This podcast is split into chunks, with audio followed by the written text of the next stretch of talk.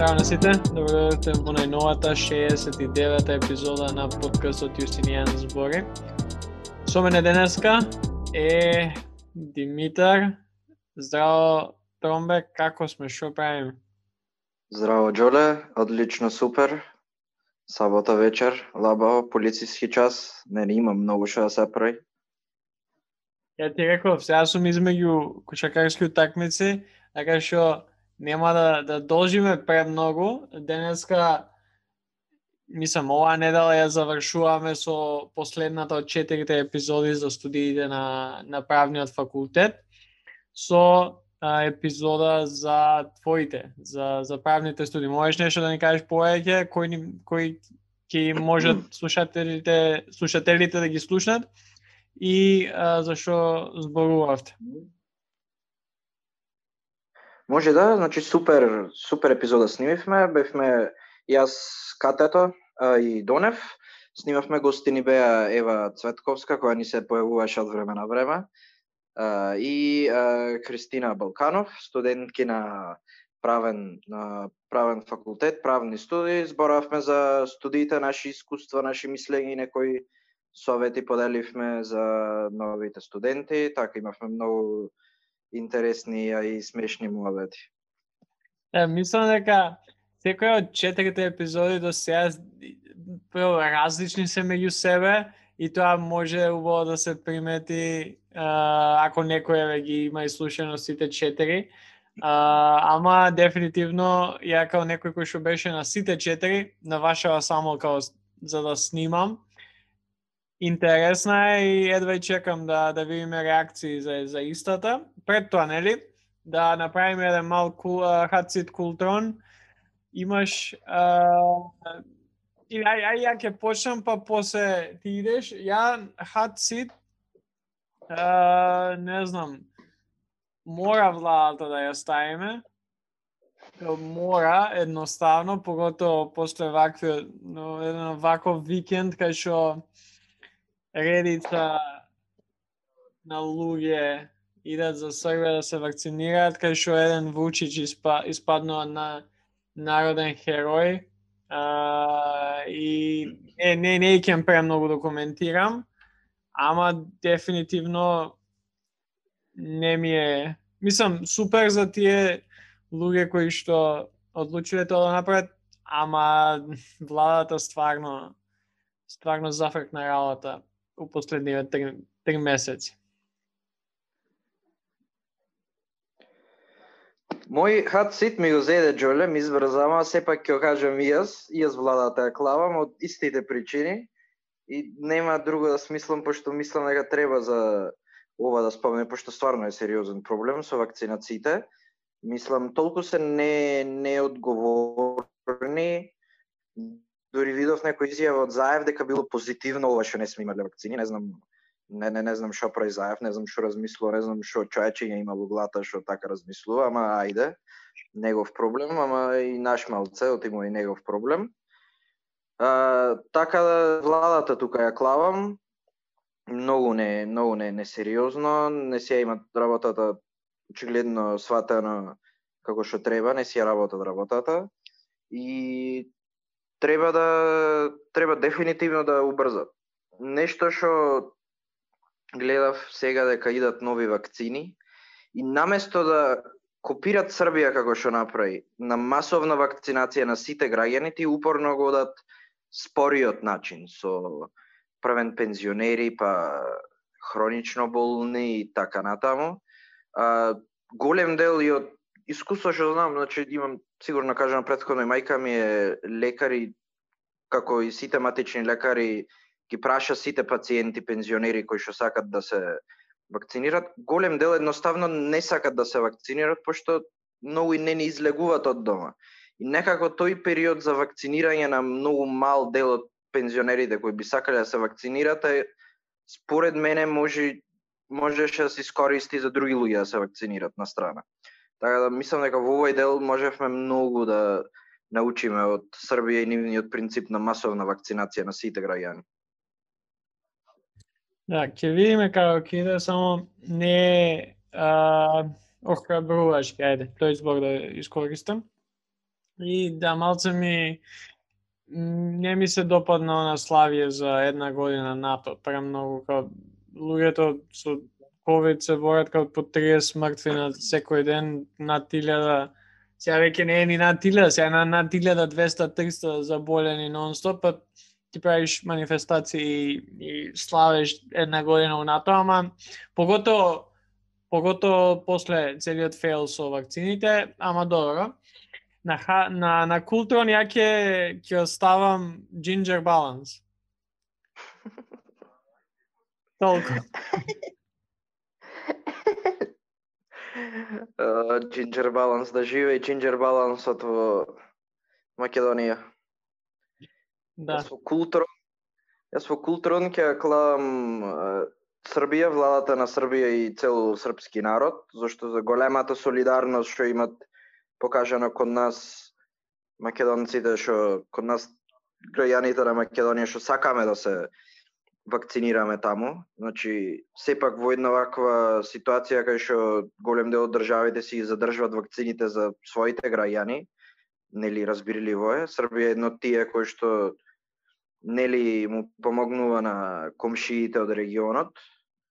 И едноставно не знам, барем мене ми се буди некако чувство како таа југословенска солидарност да се да се враќа.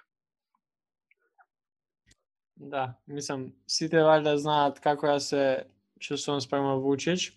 И се уште мислам дека Вучич е најлош политичар после Милошевич на Балканот.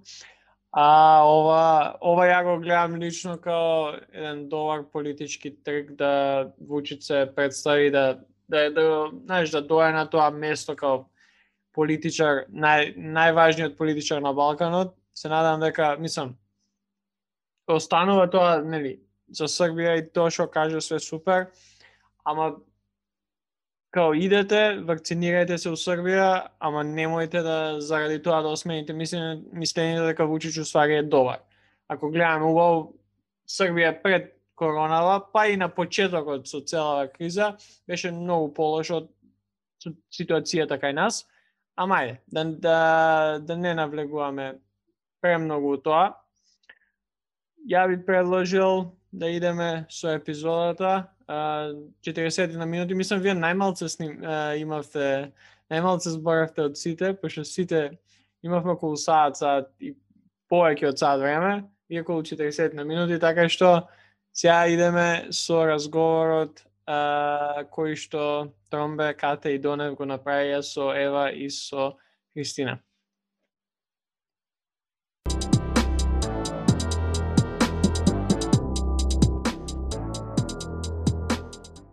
Епа, здраво другаре.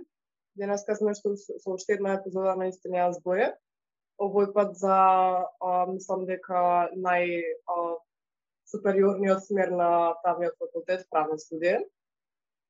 А, со нас тука е Кики, Кристина Балканов, а, и на моменти и Ева, а, што, кои ќе ми кажат нешто за студирањето на правни студија а, од нас сме стандард стандардниот состав а, Димац, Донев и Джола.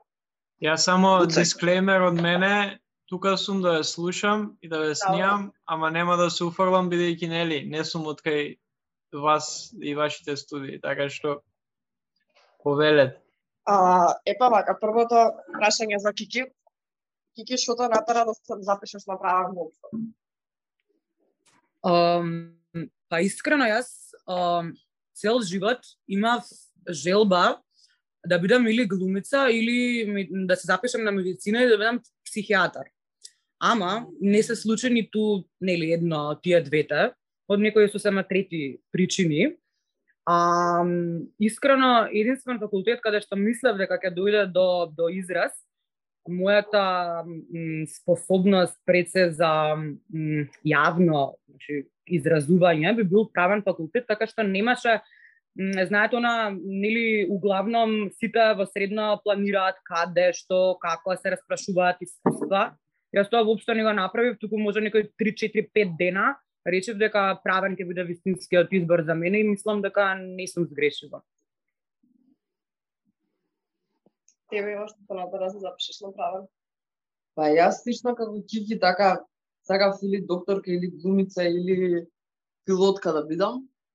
А, ама скроз онака не можев да се одлучам и у средностите ми викаа дека би било окей адвокат за тоа што цело време се карам сам. Тоа е веројатно општата перцепција на луѓето дека ако сакаш постојано да се караш и да се расправаш на некоја тема, треба да бидеш адвокат, што не знам, може би до некаде е точно. И не знам, бев у голема недумица за каде да одам и да речев дека ќе колку пари ќе имам моментот у новчаник, ќе фатам такси докај ќе ме остави, до таму ќе се запишам. И свади дека тоа би биле најблиску да факултети, реков ќе земам повише пари. Бев кај бавни и отидов направен, не знам така. Рандом. Немам некој преголеми очекувања. Ко се запишавте на направен, како ви кој ви беше првиот впечаток во првите моменти кога почнавте со студирање? Првиот месец, првиот семестар? Mm, па искрени вес, прво за моето искуство, прв пат кога стапнав на правен, значи бев со другарка и влеговме преку бифе и сега нели да купиме пријави и се што треба. И значи ние одиме нели низ ходниците јас ги гледам ходниците и јас си викам, јас никогаш во живот нема да научам од кај да влезам и од кај да излезам на факултетот. Значи тоа ми беше првиот впечаток и уште ме држи до некаде, значи тоа чувство. Ама искрено, е, мислам на првиот е, ден од предавање да речеме, чувството ми беше дека јас овде никој не знам и дали кога дојдеме до тоа ја у суштина никој да запознам и да се здружам со некој, пошто мислам дека тоа е нешто за кое што повеќето од нас се се се кираат.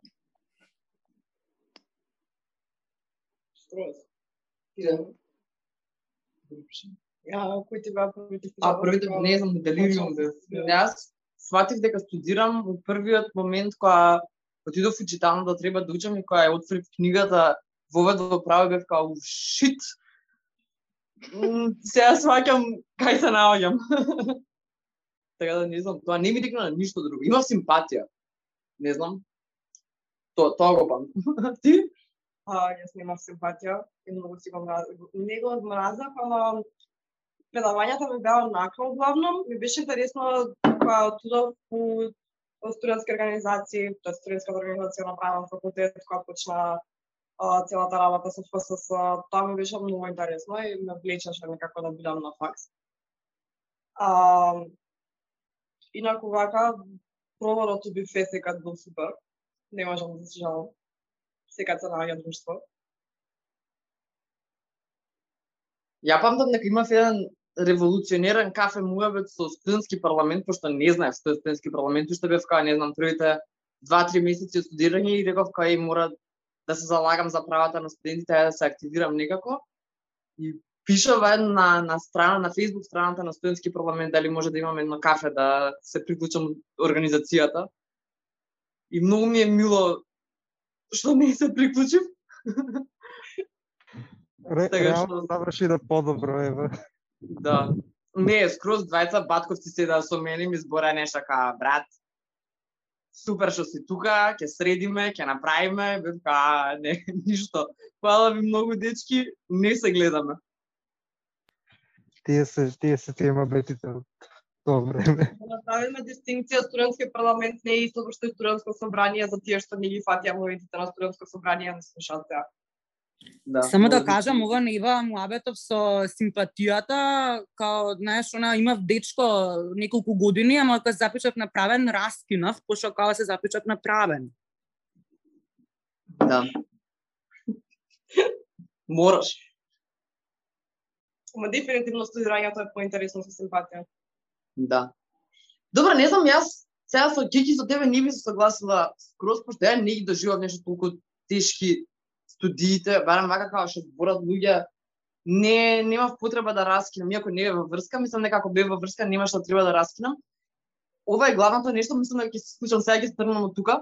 За сите што сакаат да се запишат на правен, дека не е учење на памет и не ти го одзема целото време на светов, него имаш две испитни сесии, учиш колку што ќе учиш и тоа се, не знам, 40 дена вкупно, останатите 325 се слободни за пиење и лапање.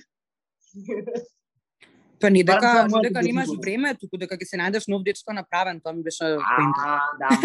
Е, кој дечко нема дечко, се киги само жени се запишуваат направен. Тројца имавме генерација. Ама тоа не значи дека немаш да женска да се фатиш, секако не е воопшто проблем. А од друга страна не мора ни од твоја генерација да бидат дечковците, така да нели. И да, и да не си најдете дечко направен факултет, ако идете од читална, секогаш ќе си најдете. Точно, точно, точно, точно. Тоа е втора опција. Да. А, нешто околу тромбе, ти, твоите, што тебе те натера?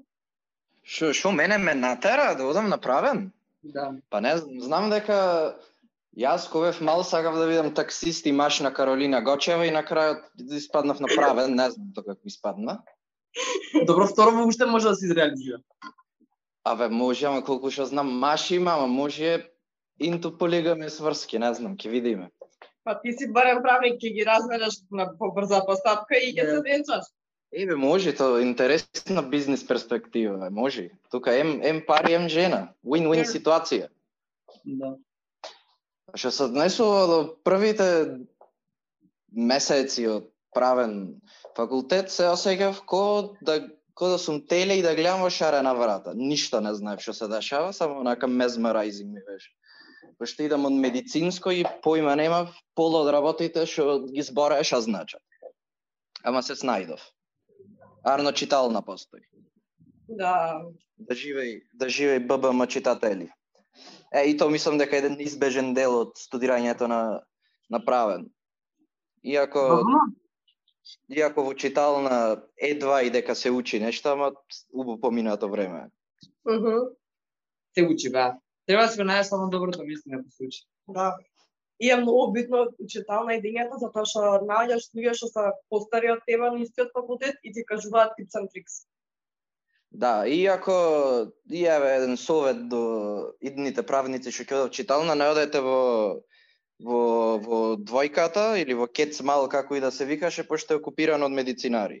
И се посебен вид на на здружение, да не речам секта и сигурно сигурно жртва прат на анатомски атлас во тие простори. Така барем легендата вика. Или- така да се или- случи да се многу непријатни моменти каде што ќе ве ругаат што сте направен, а они се на медицина и се нели супериорни наводно. Да Сум, се сум посведочил. И исто така многу често плачат, не ќе да тоа да го посрочи, што многу плачат. Да, да, да, да, ама кај нив тие моменти на плачење се координирани според распоред. Да. Ти нели не, не, немаш постојано време да плачеш, мора да се учи. Која година ви беше најтешка?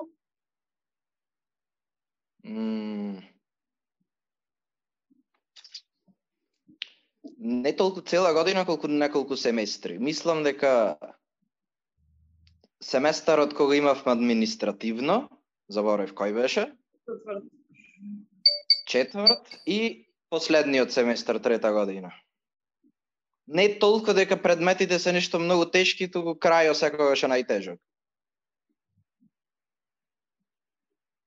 Мене ми е сега тешко, само пошла онлайн и немам никаква мотивација да учам да бидам искрено.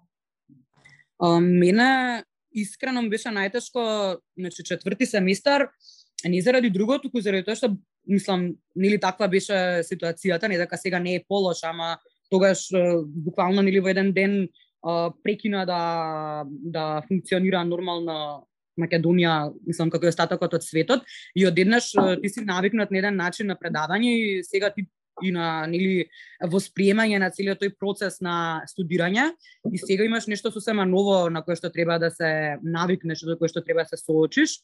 И искрено, значи, тие предмети, значи, казнено, административно, трудово и семено и наследно, мислам, воопшто не се тешки, значи не е тешка материјата, туку тешко беше да се навикнам дека ќе треба на нов начин да учам, дека ќе треба да имам скроз нов распоред на денот и така што тоа е тоа. Мене прва ми беше најтешка. Не знам, јас не ја фатив короната која требаше да... Мислам, полагав испити, ама сепак бев на мастер. Така што каде каде полабаво ми беше се, ама прва година ми беше убедливо најтешко. Пошто не знаев кај се наоѓам, не знаев како треба да се учи. Ама Да. не би постал сухаров. Се чувствувам кога имам некоја среќа или привилегија што првите три години, да не речем, на, на јубаите години од факултетот ги поминав на факултет, не ја фатив короната. Среќа во несреќа што на мастер ја фатив, па и посекако на мастер не садеше на факултет, ама ми е жал за вас што уште сте на додипломски што треба од дома да седите и да учите и да гледате, да не одите на факултет. За жал нема да можете Спасов да го гледате на факултет, што е голема трагедија.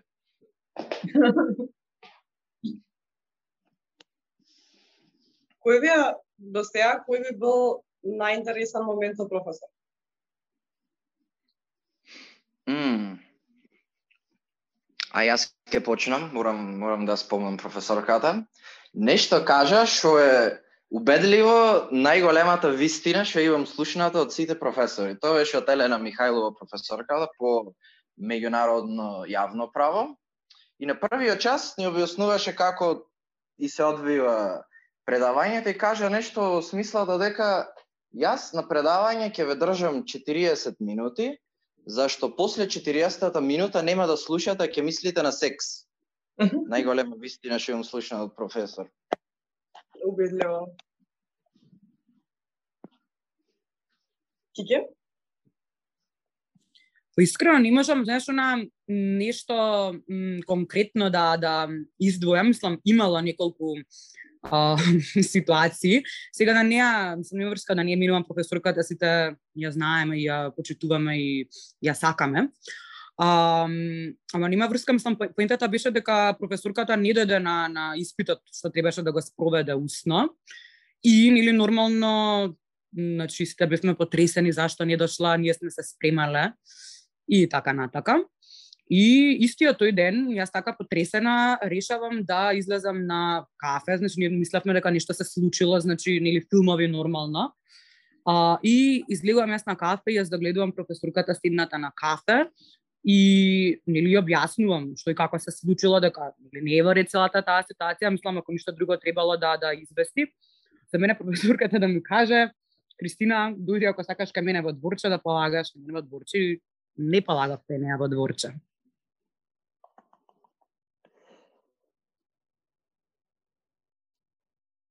Ова, ми, ми, мислам дека имаш кажуван ова, овај момент. Да, да, да, мислам ова значи е мислам онака доста не знам на сум, сум го раскажувала затоа што што знам мислам ја мене тогаш ми беше значи бев пренапната, пренервозна како може така. Сега ми е интересно мислам знаеш на чисто узмуавет, ама тогаш колку бев нервозна, мислам дека ако тогаш нешто не направев, никогаш нема да направам.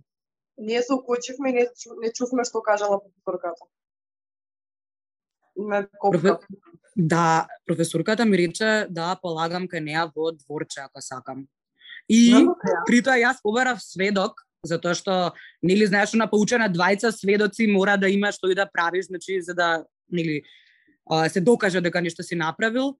И сега со другарка или на кафе лабаво, професоркава и доаѓа на другарка и вика еве го сведокот, тука другарка ми се вади од памет, пошто професоркава од позади, мислам, целата ситуација не можам да ја објаснам вака, беше доста комична, ама ете може тоа е така нешто поинтересно, вака некоја дешавка, иначе мислам муабет и такви некои ствари секако имало, само што не би да не би да одвојувам сега.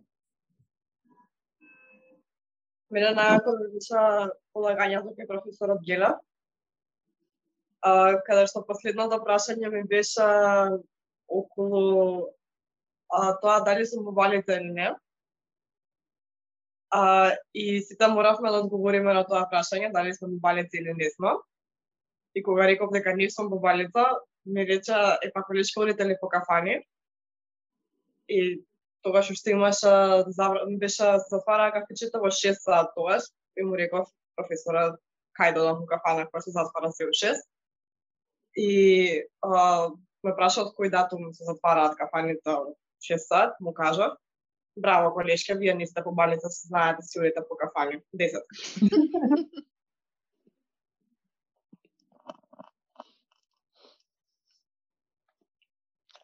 Да, морам, морам, морам да признам дека едно од поинтересните предавања сека е професор Гелев. Тварно ретко се годи таков професор. Кој би било сега најинтересен предмет? Ева од предавања. Мене ми биле најинтересни Леле, извини што те прекинав. Ајде.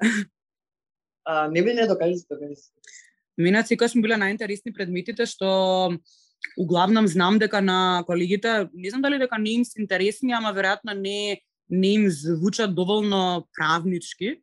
Значи мене ми биле интересни Мислам, како сме го правеле муабетов и знам дека ти ми се чудеше прва, пошто мене биле најинтересни римско право, историја на право, примената економика, филозофија на право и сега нема врска, значи апсолутно нели нормално не можеш ти да очекуваш дека ќе учиш само кривично трудово и административно, ама претпоставувам дека тоа е некој такво мислење дека треба повеќе да се посвети внимание на тие што се на тие што се експлицитно правнички предмети, а мене баш тие не дека не им биле интересни, може до професорот, може до до целата атмосфера, меѓутоа најмногу што ме заинтересирало биле овие другиве што се малку од други сфери. Е, за историја се согласуваме тука и мене ме беше многу ке историја и социологија и студија. Ама за економика или примената да или нешто такво, боже сачувај, па при би искупала еден бунар, не го изучам економика, нема подосад, значи нема подосад. За кој како, ама за мене. А да се надоврзам на ова, која верзија постои кон филозофија на права. Ја не знам зашто толку студенти да направат, се, се вадат од памет, се плашат од филозофија, дека не знам, вајда не е напишано се како што треба да биде, ама постои, не знам дали е може би до а, материјалот кој што е за учење, знам дека книгата е прилично лошо напишана, ама филозофија направо е најдобриот предмет на правни студии, без филозофија не постои ништо, ама студентите за жал ја мразат. А инаку на прашањето кој ми бил најинтересен предмет, секој семестар мислев дека имам омилен предмет и дека готово ќе се насочам во таа, не знам, си го менјавав пасвордот на Facebook, пример, филозофија на право или Сашо Георгиевски или sejedno кој да е тековен ден испрашува sejedно нешто што е актуелно и мене ми е најако на цел свет. А никош не сум била нешто вака ретроспективно по учењето средно и основно, ама кога дојдов направен многу се ми беше прееуфорично и јако и се ми беше многу добро и забавно. И стереотипично правни и нестереотипично правни предмети. Не за мене ми е супер. Ја имам супер искуство вака за правни студии, тоа имам да го кажем и со дјавово. Чао. Чао. Чао Ева, фала што ми присуствуваш. За па предмети, предмети ми беа интересни, мислам да најубедливо најинтересен ми трудово, затоа ја оидов на на мастер таму. Што се однесува до предавање, како предавање, многу ми беше интересно, ма само едно предавање имаше да дојдено професорот. Тоа беше предавањето на бившиот декан Каевски по деловно право. Мислам дека деловно право беше предметот, да. И беше многу, Од од интересно беше предавање. Трговско. Трговско, извини. По Трговско. Мене беше тоа предавање многу интересно. Ме, ми беше интересно како професорот предаваше и се разбира како врв на сите предавања се предавањето од Марко Кртолица кој да било предмет. Дали уставно или политички систем. Е, јас ја немам слика Мислам- да. Мислам дека има дека онака имаме изградено е, значи подсвесно култ спрема професорот Марко Кратолица, мислам он дефинитивно заслужува, ама знаете она на пример некои по мислам помалени или што се генерацији, сега нема везе значи ти правиш муабет или што како како тие што тие. Леле брат, значи Кратолица ми предава. И се ако ти знаеш дека кратулица можеш само да нешто не да се да се воодушевиш за каков професор станува збор, мислам малце се бегам од темава, али сакам да кажам дефинитивно е тоа дека дека ние студентите во секој случај а, приметуваме а, кој колку се труди и дали воопшто некој се труди, тоа дефинитивно знаеме да го да го возвратиме или да го цениме.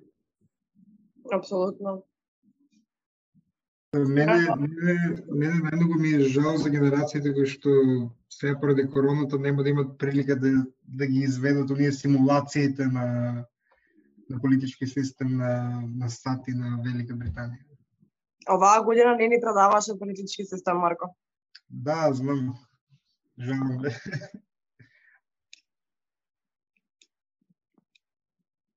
Као едно можам да кажам работите што се каам а, во дурстудирав, мислам до дипломски. Кога учевме, мислам дека беше уставно право, имавме као два, два и пол сати со професорката Гордана и после два, два и пол сати со професорот Марко и тогаш јас како и секој студент што се сака побрзо дома да излезе и да пие, само одев на првите два или на последните два сати, другите ги ескивирав. Првите шест недели одев кај професорката Силјановска, мислам ја почитувам професорката одлична, ама некогаш знај предавањата да бидат подосадни, ако суштински содржината е одлична. Ама, последните шест недели, кога идов кај професор Марко, е тогаш веќе ми беше многу, многу поинтересно и се и се кам што не бев првите шест недели кај него, што не присуствував на тие предавања. Иначе да, дефинитивно има некоја култна личност кон Марко Кратолица, а и тука и Прешова може да се клај, ама for different reasons, I guess. Причината е науката и стилот на предавање. Да. Не знам дали тоа, ама ако би си играл Fuck, Mary Kill со професори направен, Марко и, и Прешово би биле едно од нив, само не би кажал кој што би бил. Треба нека тоа да го направиме, ама кој ќе дипломираме сите.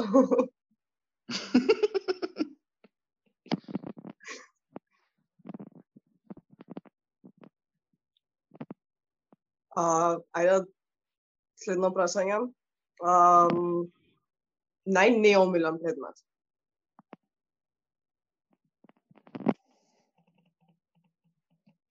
Um, јас, искрено, um, немам најнеомилен предмет, Um, само што, мислам, од аспект као леле материјава, значи толку ја хейтам што значи стварно не можам книгава да ја гледам. Значи такво нешто немам. Ама од друга страна, ако размислам, значи што ми било баш она најтешко, најтешко, најтешко да, иако, значи е лесен предмет, А, само што мене веројатно бил комплициран, пак ја кажам, само заради самиот процес на адаптација од она во живо, значи предавања до нели онлайн предавања ми беше административно. Значи за сите кои што положиле, значи супер, за тие кои што тек треба да положат, ајде тој делот што е материјалното административно право, окей, процесното, ја не знам дали беше до мене, мислам, мене са стварно тоа ми помогна и за овие други што ги слушам сега процесни, че казнено процесно и граѓанско процесно. Ама јас толку се знамачив со тој предмет што беше страшно. Значи, не аспект на најнаумилен, туку значи на најтешко да го спремам испитот. Јас сега треба да го спремам, нема плаши. Со среќа катенце, за tips and tricks обрати ми се. Ти благодарам. Е, за ова е многу корисно да имате другари со постари од вас. Tips and tricks. Најбитното на тоа. Најмногу мака јас видов со примената економика, не можем. Тој предмет е едноставно канцуре.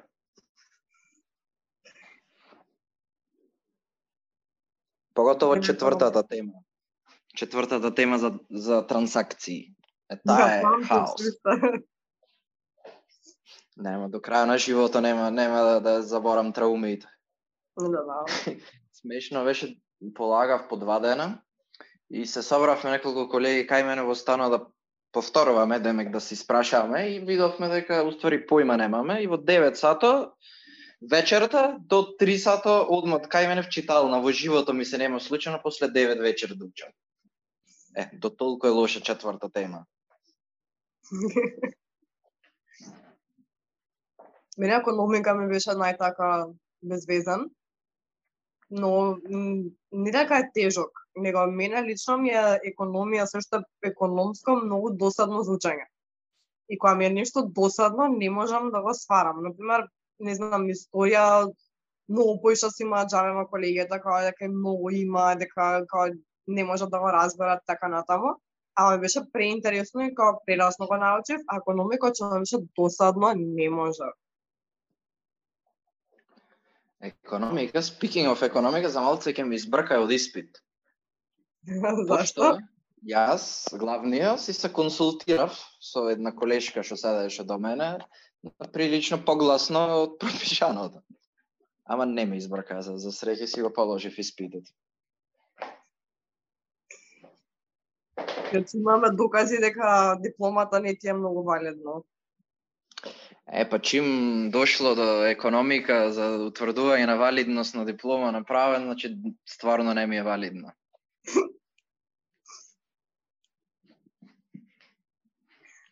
Јас сум многу голем дудук за препишување, на пример, стварно не знам да препишувам. А, и затоа не се ми обидувам, пошто одма ми се гледам на фаца, мислам, нема шанси да не ме упецаат. И мислам дека со онлајнот Значи- останав единствена што не препишуваше ништо. Имаше Мислам, случаи да сред испит со бубици кај што ги брка до телефон, кај што ги фаќат со сликано и т.н. и т.н. Не, не, не можам, не, не знам.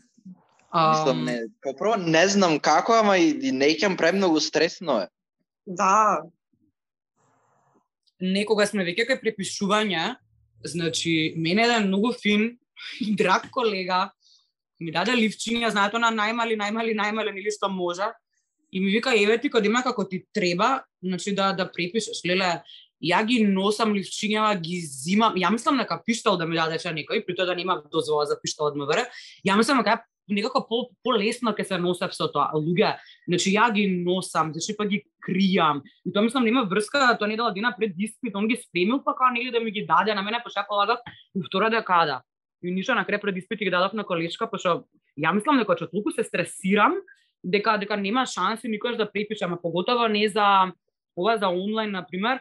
Се нешто мислам дека ќе ми каже професор ај сврти камера 360 степена, ај не знам што, значи не, не, не знам како да кажам. мене од ми се гледа на фаца, на пример, нема шанси да, да и нешто ќе направам, ќе се или ќе се заборавам дека препишувам и ќе си ги покажам листовите на камера ако пробам. Или некоја слична глупост ќе направам. Тоа то, то, тоа е стениот моралистички дел од нашата свест што работи за правниците.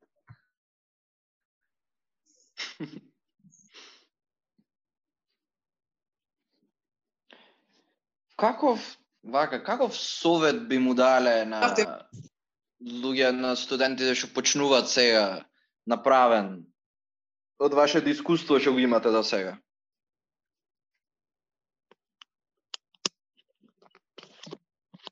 а, да не ги слушаат постарите, усвери не постарите генерации, да ги слушаат постарите генерации да спекна тоа, знаете, еве на пример сега јас гледам нели кога сум веќе а, мислам како да кажам постара од, под, под помладите на правен факултет, гледам дека мислам веројатно сте имаме таква нека тенденција да сакаме да ги уплашиме малце дека дека е многу тешко и дека ќе немаат време за ништо и дека стварно има професори кои што не знам што ќе им прават, мислам тоа уопште не е така. Значи јас, значи што све не сум слушала искуства од професорки поготово, значи за каков однос имале, колку биле строги, значи апсолутно, значи ја не сум имала никаква, никаква ниту едно негативно искуство, напротив, мислам само позитивни искуства што професионално што приватно, а од друга страна е ако веќе одлучили сака сакаат да се запишат на правен, да не слушаат луѓе кои што немаат никаква допирна точка со правен, значи не знаат ни кај е кампусот, и кои што ќе им викаат аха, сигурно ќе учиш таму ти све на памет и нема никад да најдеш работа и не знам, значи мислам дека тоа не треба апсолутно да се обрнува внимание, заради тоа што ти нешто ако сакаш и ти нешто ако можеш да правиш, кога тогаш мислам тоа ќе биде проценето од околината и верувам, се надавам дека ќе биде вреднувано затоа што би требало да биде вреднувано. Сите што ви викаат дека правење бубања, никад не размислувале логички во животот. Ничи у правото има логика, во општествената наука има логика, причинско-последични односи. Значи, нема тука не, некој не знам какво губање. Да, ке имаш сега, не знам, треба да научиш некои рокови глупави као административно процесно, ке, Ама тоа го има секоја можна наука и на, не знам, електро треба да бубаш формули или не знам какви аксиоми, какви да се вика, која ги взимаш за такви. А, така што не е некоја поразлично губање од било кој друг факултет. Пак се сведува на логика, пак се сведува на како размислуваш, дали размислуваш логички, И дали ќе успеш да ги поважаш работите. Да. Има цел термин што се вика правна логика. Да. Мислам, едно, едно од најголемите као заблуди што се заправен се дека направен треба да се учи на памет и многу ме нервира, пошто имам поминаато три години, кој три години веќе во слушате малци во шестата година ќе навлезам, да малце касно. Тоа ја бига. Три години помина, благам у шестата. Многу многу луѓе мислат дека на памет се дека на памет се учи направен, а нема никаква врска. Мислам ти можеш да учиш на памет, само ќе ти траи то до испито. Би пет минути после испита и ќе видиш после глупав правник што ќе работи во архива во катастар. Тоа е тоа. Значи, ако тебе еден совет од мене, немојте да учите на памет, пошто ем потешко ќе ви биди и ем нема ништо да знаете понатаму.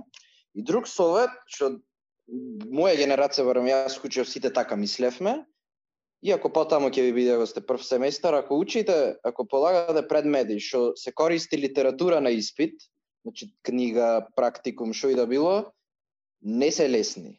Нема туку така, туку се најтешките предмети, треба убо да седнете да ги научите, ако со книга се полагат.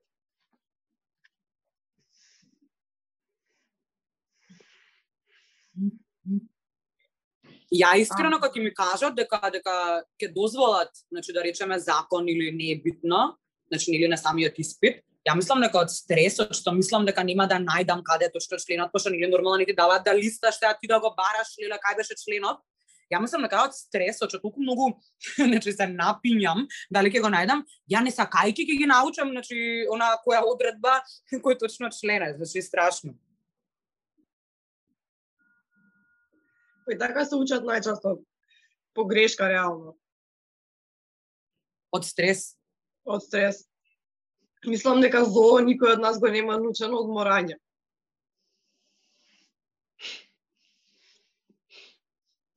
1041 член, бога ми да ти кажам, да. А ева нешто околу што после правен. Димаца на мастер, а, Кики е при крај, Донав исто при крај. А што ви се плановете за после Само си го поправам лапсусот, 1141.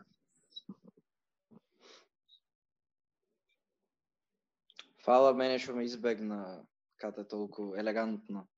Не ти избегнав, што после студи? Па ти си више после Не студи. спомна Балканов, Донев. А јас вечитиот студент што сум веќе три години на крајот не ме спомнам. Димаца на мастер, првта спомнав. Првта спомнав, значи. Се, се извинувам. Значи и привилегија имаш и пак сереш. Тоа е, ја ви го, сератор. Прав правник. Што после правен, што побрзо да се најди пракса.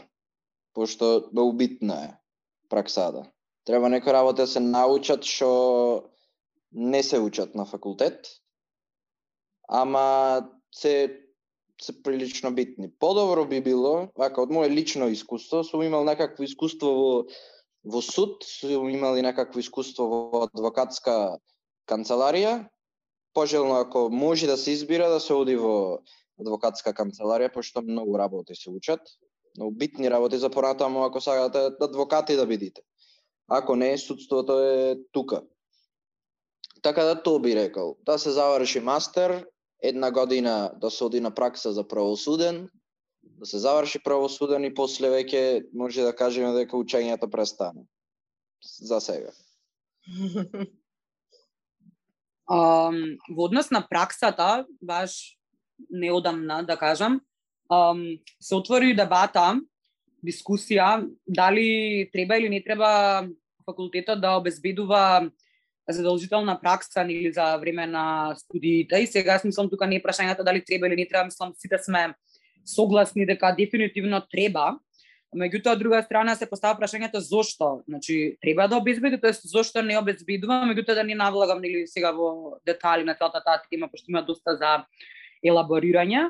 Јас мислам, значи се согласувам дефинитивно со Димитар дека а, мора да се посетува ако ништо друго пракса, значи во нека адвокатска канцеларија, значи заради твое лично искуство и заради контактите кои што ти ќе ги воспоставиш во текот на праксата и со самото тоа што значи ти знаеш дека ќе се чувствуваш посамоуверен и за време на предавање и за време на испит, заради тоа што ти мислам не дефинитивно факт е дека теоријата е најважниот дел и значи мислам мора да се знае нели за да може да се практикува.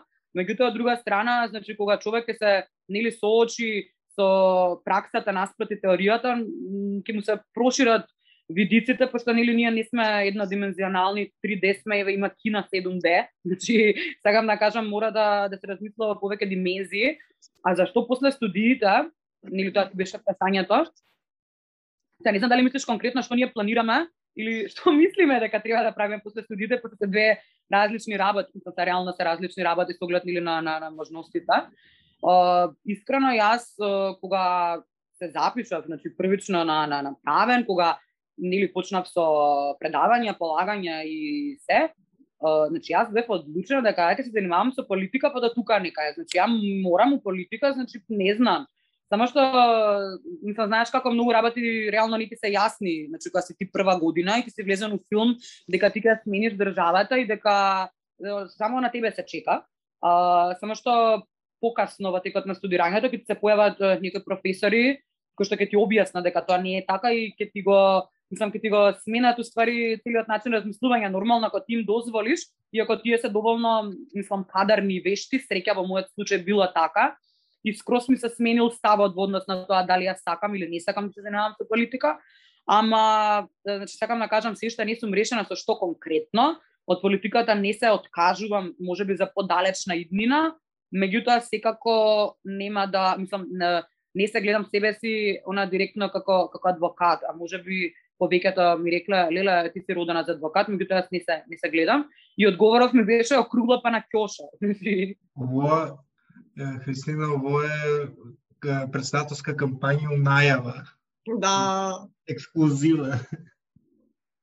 Уште од сега се спремам за сликата на билборд, што ќе ми биде, језда не сум онака за билборди да се ставаат сегда, значи против сум, али пошто као сум ја. Ама сега за мене еден мора. Да, бе, да, да, да се спремам, значи да се негувам, пошто нели како викаат кожата памти за утре ден, значи да бидам представител на се гордејата, да речете јас ја знам, значи ние се дружиме. Едва чекаме Кике за кружата број 1 Балканов. А, ева последно прашање, мислам дека доста зборавме. Не кажа ти што планираш, пошто твоето е возбудливо. Значи јас го знам приватно и знам дека е возбудливо, пофали се малце. А е па вака јас а, планирам да продолжам да се занимавам со сексуално репродуктивно здравје и права. А, и не, не планирам да ми е нешто многу правничка кариерата во животот. А, евент, освен ако евентуално не се решам да идам на казнено мастер, ама во исто време и на родови студии. А, или што би рекол Димат кралица на лесбијките. А, Фала, Димитар. Не знам што да ти кажам нова. а, и планирам да, ако останам во правничката струка, да се бавам со родово базирано наследство конкретно. А ако не останам, сакам повеќе да се фокусирам на сексуално образование, генерално човековата сексуалност ми е така пасија. Значи само со лубриканти се занимавате? А вакцини да донесевте? Значи, стварно, стварно, македонските феминистки треба и вакцини да донесат. Не знам Ама се тоа е- Потреба, потреба. Ама, ама од друга, од друга страна, од друга страна као работата на од, од правен као не те насочува као директно адвокат додеш или као судија или јавен обвинител, едноставно едноставно као може да се пронајдеш од други сектори, не знам, правно-политичко консултантство или I don't know. Тоа е многу голем мит дека правата ограничува кој знае колку во струката, што не е така. Да мора да бидеш адвокат сам. Да, као, као точно ти ти го изучуваш регулативите и закони на нашата земја, ама као м, пак не те ограничува, пошто имаш пример меѓународно право или право на ЕУ, пишот ти отвара можности со оглед на тоа дека ние евентуално ќе треба да се впуштиме во тие процеси. Така.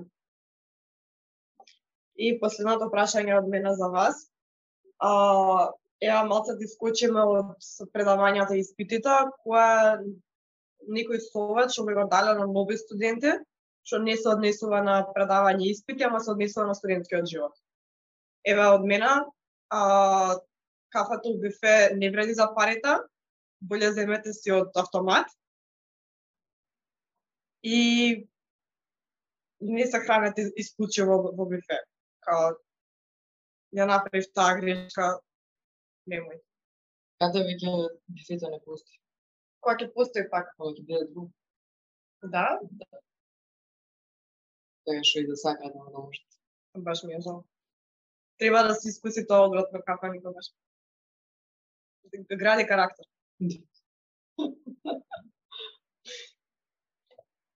Um, јас би дала совет да м, се гледаат филмови и серии кои што имаат правнички аспекти, да се читаат книги со правнички аспекти. Uh, мислам, ако некој нели сака и ако е заинтересиран за тоа, Um, заради тоа што мислам дека со сериите, значи со филмовите, со книгите, uh, се стекнува многу по подобар впечаток за тоа што всушност се случува сега нели нормално, мислам тоа не се буквално извадени директно од пракса и само пресликани случаи, меѓутоа мислам дека ако некој ги значи прати тие серии и ги гледа тие филмови и ги чита тие книги, дефинитивно ќе се заљуби не знам како да звучи повеќе од правото толку што инаку е, заради тоа што мислам факт е дека нели правата како и да е секаде околу нас, така што мислам со помош на овој мој совет мислам дека стварно би би помогнал ова целиот процес на студирање, мислам освен што ти ќе се заљубиш во правата, дополнително ќе имаш многу повеќе што да кажеш, ако бидеш веќе прашан нешто да кажеш. Мгм. Тука сакам да се надовезам, не влагајте премногу филмот на филмовите, пошто студирате направен, значи има цел живот да носите од дело, не го носите на факултет, пак е. да. Да, јас тоа да, тоа исто сакам да го кажам освен за одделата, дека никогаш знаете ли од колку луѓе имам слушам дека си имат запишано направено ради суд. Сам супер е серијата и се, ама не го отсликува толку реалниот начин на функционирање на правниците. Али да, има доста добри правнички серии.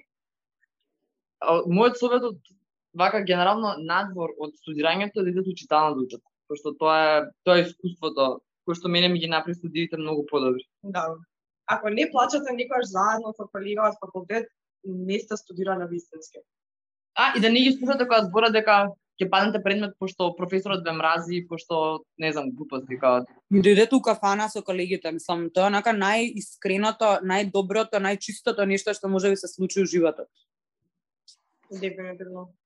Многу ќе се согласам со Ева, дека во читална е најубаво. Стварно, дол, долго временски период учев дома јас, но кога почнав да одам читална, стварно ми се смена цел начин на учење на позитивно се разбери. Многу луѓе запознав што иначе немаше да ги да ги запознам. И после читална одете во во Маракана пошто со влезницата имате пијачка.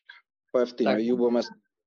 А јас имам уште еден коментар да дадам, да не ве да не дозволувате да ве обземе неолибертаријанскиот е, индивидуализам и помагајте им на на вашите колеги. Ако нешто не ме јасно и ако ви треба помош од нив, побарајте и, и дајте им ја исто така за возврат, пошто не сме сами, заедно сме се. Дајте им да препишуваат на крај крајава, мислам не е страшно уопште. Не, и не секој прашање што се Да, И не секој прашање што се во Мавровка се паѓаат на колоквиум или испит. точно, точно, точно.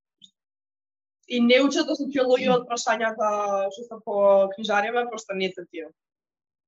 Не учи да социологија уопште. Не учете се, ја ќе мора да се учи. Мора?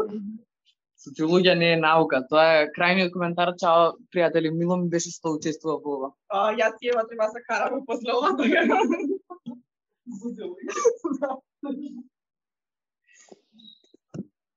А, епа, добра другари, фала ве. Кики кажа совет? Да, кажа совет, да. се Извинувам.